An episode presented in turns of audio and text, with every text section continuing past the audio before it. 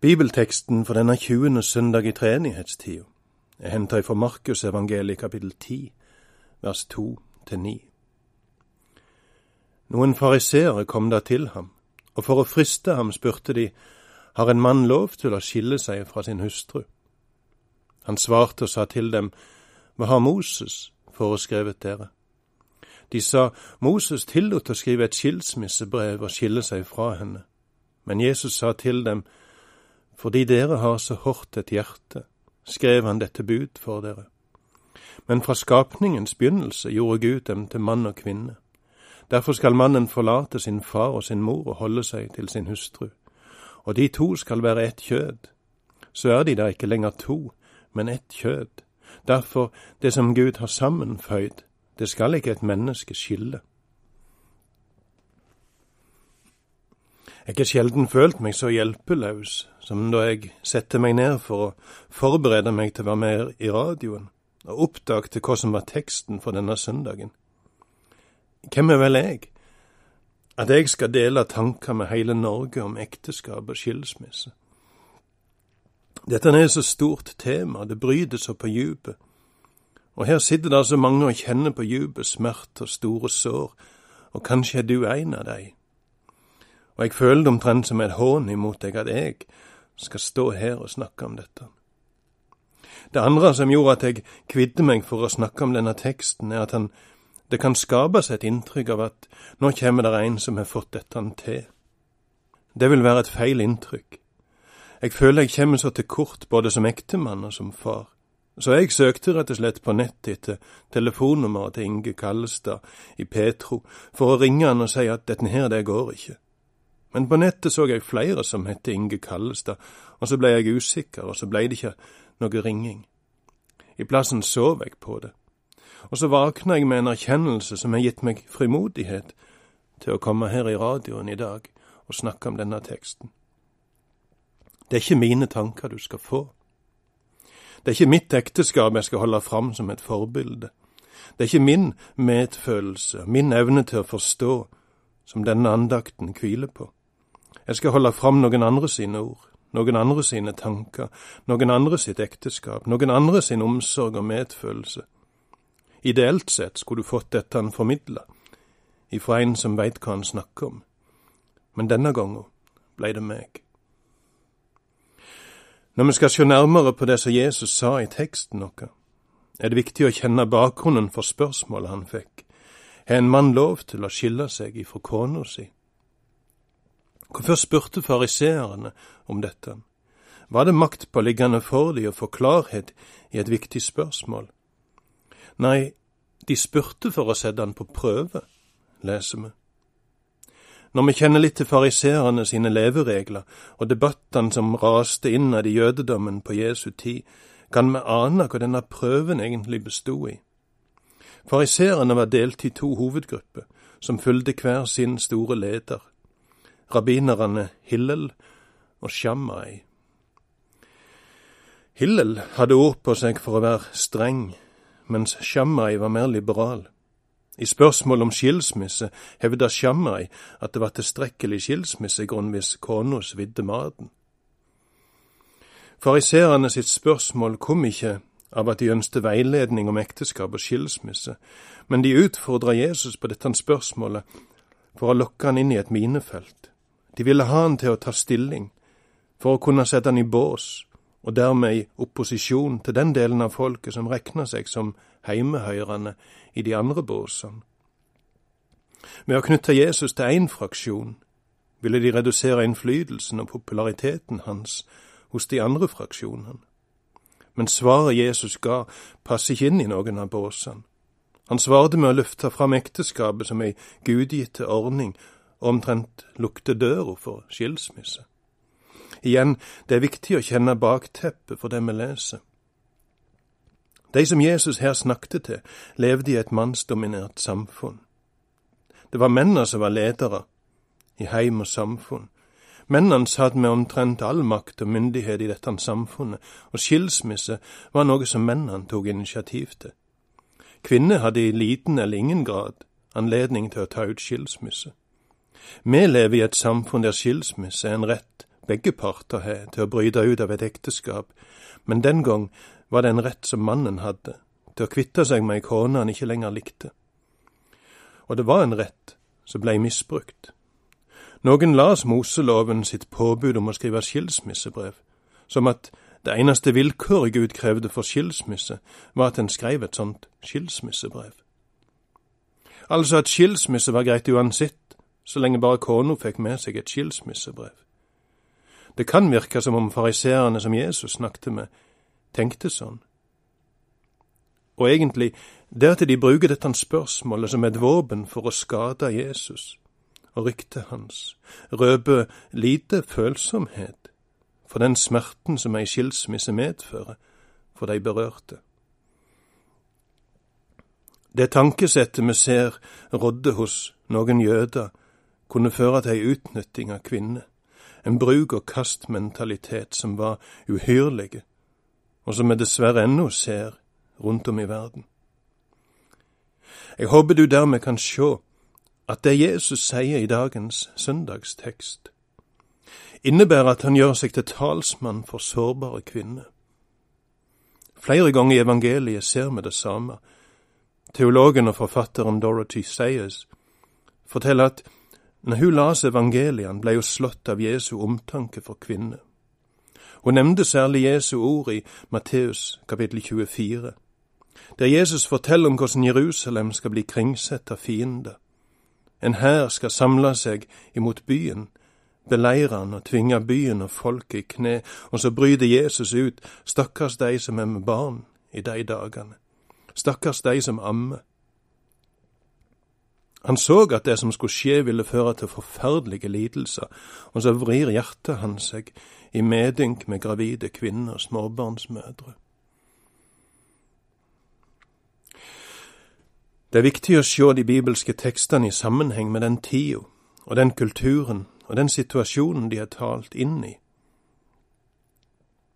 Samtidig er det viktig å se Bibelens ord som tidløse sannheter. De er ikke tidsavgrensa og kulturbetinget, men tidløse og ubetinget.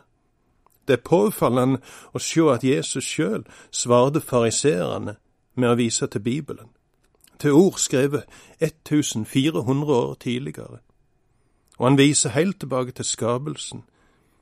Vi bruker ordet skaperordning for grunnleggende, evige prinsipp som Gud har lagt ned i skaperverket.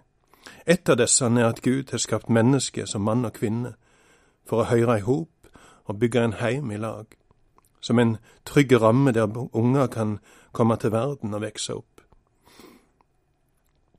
Det er viktig å se bakgrunnen for det vi leser i Bibelen. Det er viktig å se det tidløse i det vi leser, og det er dessuten viktig å se utsagn i lag med andre utsagn om det samme. Bibelord om det samme temaet kan ha ulik betoning, ulik vektlegging, for det at de er talt inn i ulike situasjoner, og summen av disse ulike ordene gir oss Bibelen sin veiledning om det aktuelle temaet.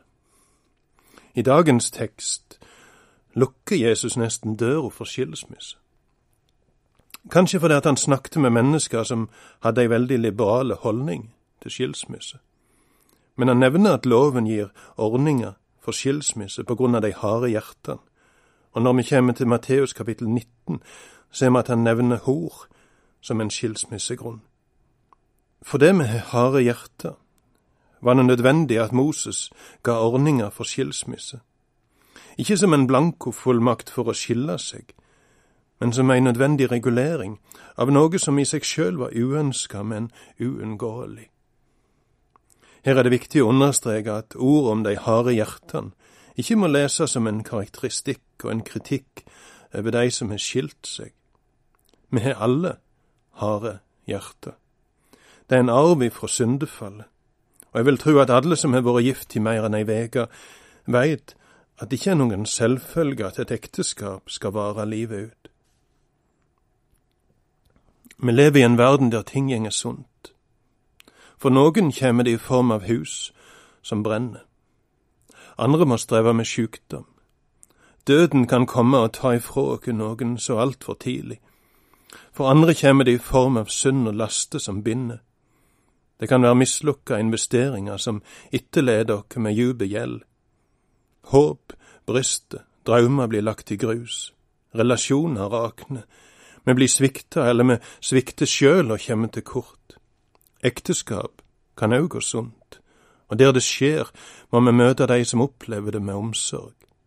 Vi må være veldig varsomme med å dømme veldig varsomme med å mene noe om hvorfor dette skjedde, veldig varsomme med å peke ut en skyldig og en uskyldig part. La oss i plassen tenke at der et ekteskap gjenger sunt, er det et tegn på at to mennesker har strevd hardt og lenge med å få samlivet til å lukkes.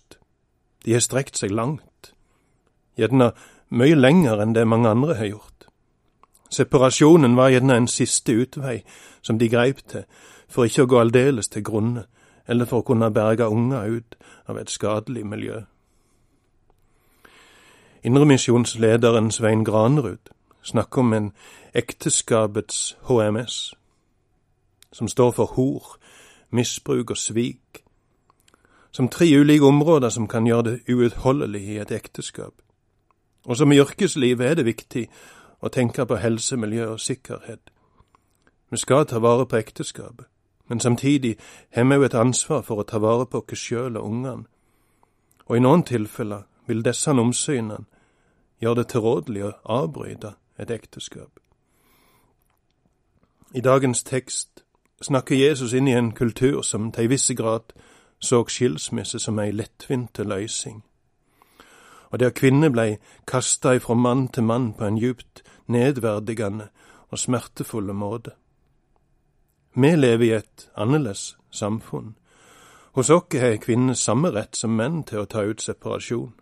Skilsmisse er blitt veldig vanlig, og til dels er skilsmisse blitt ei lettvint løysing hos oss òg. Grunnen til at jeg våger å si dette siste, er at jeg veit der er folk som i etterpåklokskap sier at de ga opp for fort. Et annet særmerke på vår tid er at holdning til samboerskap og alternative samlivsformer har endra seg. Alt dette han gjør kanskje at Jesu ord kan oppleves fremmende og støydende. Sånn det sikkert var det for fariseerne Jesus møtte her i søndagsteksten vår. Folk reagerer på Bibelens tale om ekteskapet som et livslangt samliv mellom en mann og ei kvinne. Folk reagerer på Bibelens syn på at det seksuelle samlivet hører til innen rammen av dette ekteskapet. Gammeldags, sier kanskje folk. Men det kristne synet på ekteskap og samliv er ikke gammeldags. Det er tidløst. Bibelen gir oss ordene ifra Gud han som er okka skaper. Han som har skapt denne verden, han veit best hvordan hun fungerer. Og han har i høyeste grad rett til å bli hørt når han gir oss sin bruksanvisning for den verden som han har skapt. Vi ser dette i praksis hvis vi ser på verden rundt oss i et vidt perspektiv. Jeg las ei bok av den engelske antropologen Joseph Daniel Unwin for noen år siden. Han studerte 86 ulike kulturer, til ulike tider og til i ulike deler av verden, og han fant at uten unntak har alle blomstrende kulturer vært heterofile, monogame kulturer. Så vidt jeg veit var han ingen kristen sjøl, men han talte varmt for en tradisjonell, konservativ seksualmoral. For der forskningen hans hadde vist han at dette var nøkkelen til et blomstrende samfunn. Bibelen er ikke gammeldags. Det er skaperen sine egne ord, han som veit hvordan vi er skapt, og som vil okke bare vel. Og han som vil okke bare vel, hater skilsmisse, sier Bibelen. Og jeg tror veldig mange som er skilde, er enige. De òg hater skilsmisse. De ser smerten hos både seg sjøl og andre. De kjenner på ensomhet og smerte sorg over det som ikke blei, smerte og bekymring for hvordan det som er skjedd vil prege ungene. Likevel kan skilsmisse være et mindre onde enn å holde ut i et samliv som er ødeleggende for en sjøl eller for flere parter. Sånn er det å leve i denne verden, for vi lever i en verden der ting gjenger sunt. Ei viktig side ved det Bibelen sier om ekteskapet, er at han løfter det fram som et bilde på forholdet mellom menigheten og Gud. Dette ser vi tydelig i en av de andre tekstene for denne søndagen, nemlig Efeserbrevet kapittel fem, der Paulus siterer ordene om mannen og kvinna ifra skapelsesberetninga, og så sier han dette er et stort mysterium, jeg tenker på Kristus og kirka. De ulike relasjonene vi lever i, sier på hver sin måte noe om forholdet vårt til Gud. Ikke minst gjelder det ekteskapet. Jesus blir kalt brudgom. Den kristne menigheten er skildra som brur. Som kristne lever vi her på jord som i ei forlovelsestid, der vi ser fram imot en bryllupsfest i himmelen. De som var forlova eller trulova i Israel, levde ikke i hop seksuelt, men de nytta denne forlovelsestida til å bli bedre kjente og mer og mer fortrulige. Brudgommen benytta òg tida til å bygge et tilbygg på faren sitt hus. I dette tilbygget skulle han og brura bo. Når huset en dag sto ferdig, sneik han seg av gårde en kveld for å hente brura heim. Bryllupsdatoen var ikke fastsett, sjøl ikke brura visste når han kom. Men vennene hennes, og vennene til brudgommen, var nok flinke til å komme med oppdateringer om hvordan arbeidet med huset skreid fram. Nå er taket titt. Nå har han sett inn døra. Nå kjem han sikkert snart. De holdt nok øye med han, så når brudgommen en kveld la i vei mot brura sitt hus, gikk det ikke upåakta hen. Ryktet flaug gjennom landsbyen, og det blei et heilt tok som gikk gjennom gaten på vei til brura, for å hente henne og føre henne til festen i den nye heimen. Det samme perspektivet ligger òg under overflata i en av de andre lesetekstene for denne søndagen. I utdraget fra Første Mosebok to, om da Gud skapte kvinna, leser vi om hvordan Gud let en djup søvn falle over Adam, og han åpna opp sida hans og tok ut et ribbein, og av det skapte han Eva som en hjelper som er hans like. Ordene sier noe om likeverd, og om at mann og kvinne utfyller hverandre. Og så er det påfallende at Gud velger et ribbein. Det førte til at Adam resten av livet bar med seg et arr i sida, til minne om den dagen da han vant seg ei bror. Jesus har òg et sår i sida, til minne om den dagen han hang på korset, fikk seg et spyd gjennom sida, den dagen da han vant seg ei bror. Adam måtte gi et ribbein, Jesus ga livet, og vil til evig tid bære med seg at han såre eller dette han arret er et vitnesbyrd om hva det kosta han å kjøpe oss fri fra synd og ifra Satans makt, så vi kan være hans. Den tredje leseteksten for denne søndagen tar oss inn i ei gripende fortelling om Ruth og Boas, ifra byen Betlehem i dommertida, ca. 1100 år før Kristus. Ruth kom som ung moabittiske enke til Betlehem. Hun var fattig, hun var fremmed. Hun kom ifra et folk med et dårlig moralsk rykte. Hun var forsvarsløs, uten annen familie enn ei gammel svigermor. Ruth var i en veldig sårbar situasjon, og mye lå til rette for at hun kunne blitt utnytta.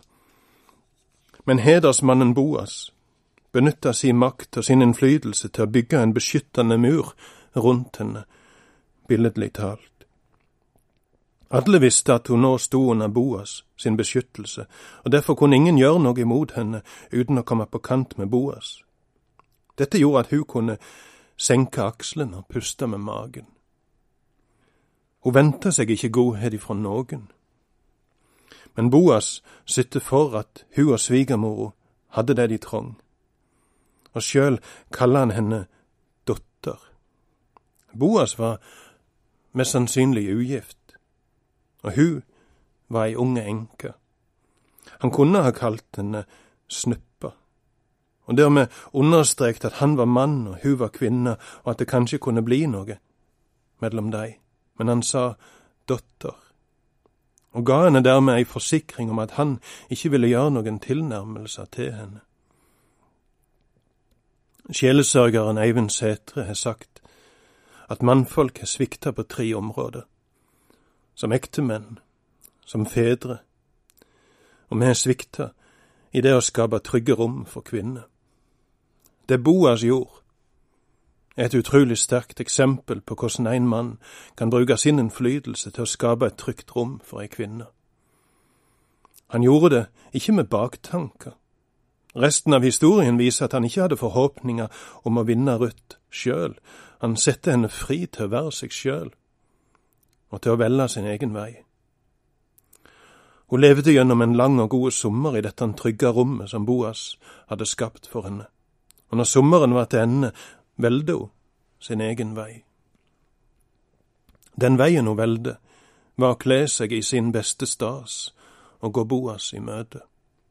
Og det hun gjorde, og det hun sa til han, kan vi kanskje uttrykke sånn som dette. Du har vært som en far for meg, som en beskyttende mur imot alt vondt. På grunn av deg kan jeg kjenne meg trygg, på grunn av deg har jeg det jeg trenger. Jeg venter meg ingenting godt ifra noen, men du har vært som en far for meg. Ikke sjå det som utakknemlighet når jeg nå vil be deg om noe mer. Vær mer enn en far for meg. Gud kommer til oss som en frelser, som en far, som en konge, som beskytter, som en gode herre, som en venn og som en bror. Og etter hvert som vi blir bedre kjente med han, smelter hjertet vårt. Og så blir det født i oss en lengsel etter å komme han enda nærmere, være mer enn en far for meg, mer enn en bror, mer enn en venn, mer enn en konge, være den som mi sjel elsker, min dyreste skatt. Ekteskapet er et sterkt bilde på forholdet til Jesus, og særlig gjelder det lange, ekteskapelige samliv. De taler så sterkt om Guds truskap til sine. Gud hater skilsmisse, sier Bibelen, og jeg tror vi kan være ganske sikre på at den vonde på si side hater gullbryllupsdager. Lange samliv vitner ofte om mange kamper som er kjempa, og mange sår som er bearbeidet, og mange oppgjør, mye tilgivelse, og mange ekstra mil som er tilbakelagt i tjeneste for hverandre, om hvordan to mennesker har klart å tilpasse seg hverandre, holde ut med hverandre, tåle hverandre. Og så stender det like fullt fast at vi lever i en verden der ting gjenger sunt. Vi lever i en verden med sykdom og død, synd og smerte, svik og knuste drømmer, fall og nederlag, med ensomhet og bekymringer, sorg og lengsel, ødelagte relasjoner og brutte samliv. Hvordan henger dette i hop med den unge jenta sin romantiske drøm om prinsen som skal komme på den hvite hesten, om den hvite kjolen og den store festen, og om lykkelig alle sine dager? Det er ikke sikkert hun vil oppleve det i denne verden. Prinsen viser seg kanskje å være en lærerstudent i en gammel Volvo, og samlivet deres blir ei vandring i et kupert landskap med kvasse steiner langs veien. Men drømmen er like fullt sann. Drømmen er barn av en lengsel vi fødde med, skapte med. Det er drømmen om himmelen. Drømmen om Han som er brudgommen, han som Bibelen skildrer som både konge og som rytteren på den hvite hesten. Han som en dag skal komme og hente oss heim. Han som elsker oss og som har lagt ferdig ei rettferdighetsdrakt til oss. Han som skal gi oss en heilt ny start, tørke tårene våre, ta oss med armen og lede oss inn til festen i himmelen og til lykkelig alle sine dager. Han har reist i forveien for oss, for å gjøre klart et hus for oss. Og når dette huset en dag er ferdig, kommer han for å hente oss. Vi veit ikke hvor tid det skal skje, vi veit bare at det skal skje. Bestemor mi bodde i andre etasje hjemme på Vatland da jeg var liten. Hun blei enke når hun var 34 år gammel. Jeg var vel rundt ti år en dag når bestemor ville jeg skulle få høre en sang hun hadde blitt så glad i, og så spilte hun denne sangen på kassettspilleren sin. Du er innbudt til bryllup i himmelen. Du er ønsket velkommen av Gud. Og så riv deg der løs ifra vrimmelen. Kom i dag, når Han sender deg bud. Du er innbudt til bryllup i himmelen. Det er du som skal være hans brud. La han rive deg løs ifra vrimmelen. Kom i dag, når han sender deg bud. Bestemor fikk ti år i lag med farfar min. Det blei ikke sånn som hun hadde tenkt, og sånn som hun sikkert hadde drømt om. For henne var det døden som ramma og snudde opp ned på livet. De siste 50 årene av livet sitt levde hun som enke, men hun var òg brud. Hun så at det vi opplever her på jord, i beste fall er en flyktige skygge av det vi djupest sett er skapte for, og innst inne lengter etter, å leve med Jesus til evig tid.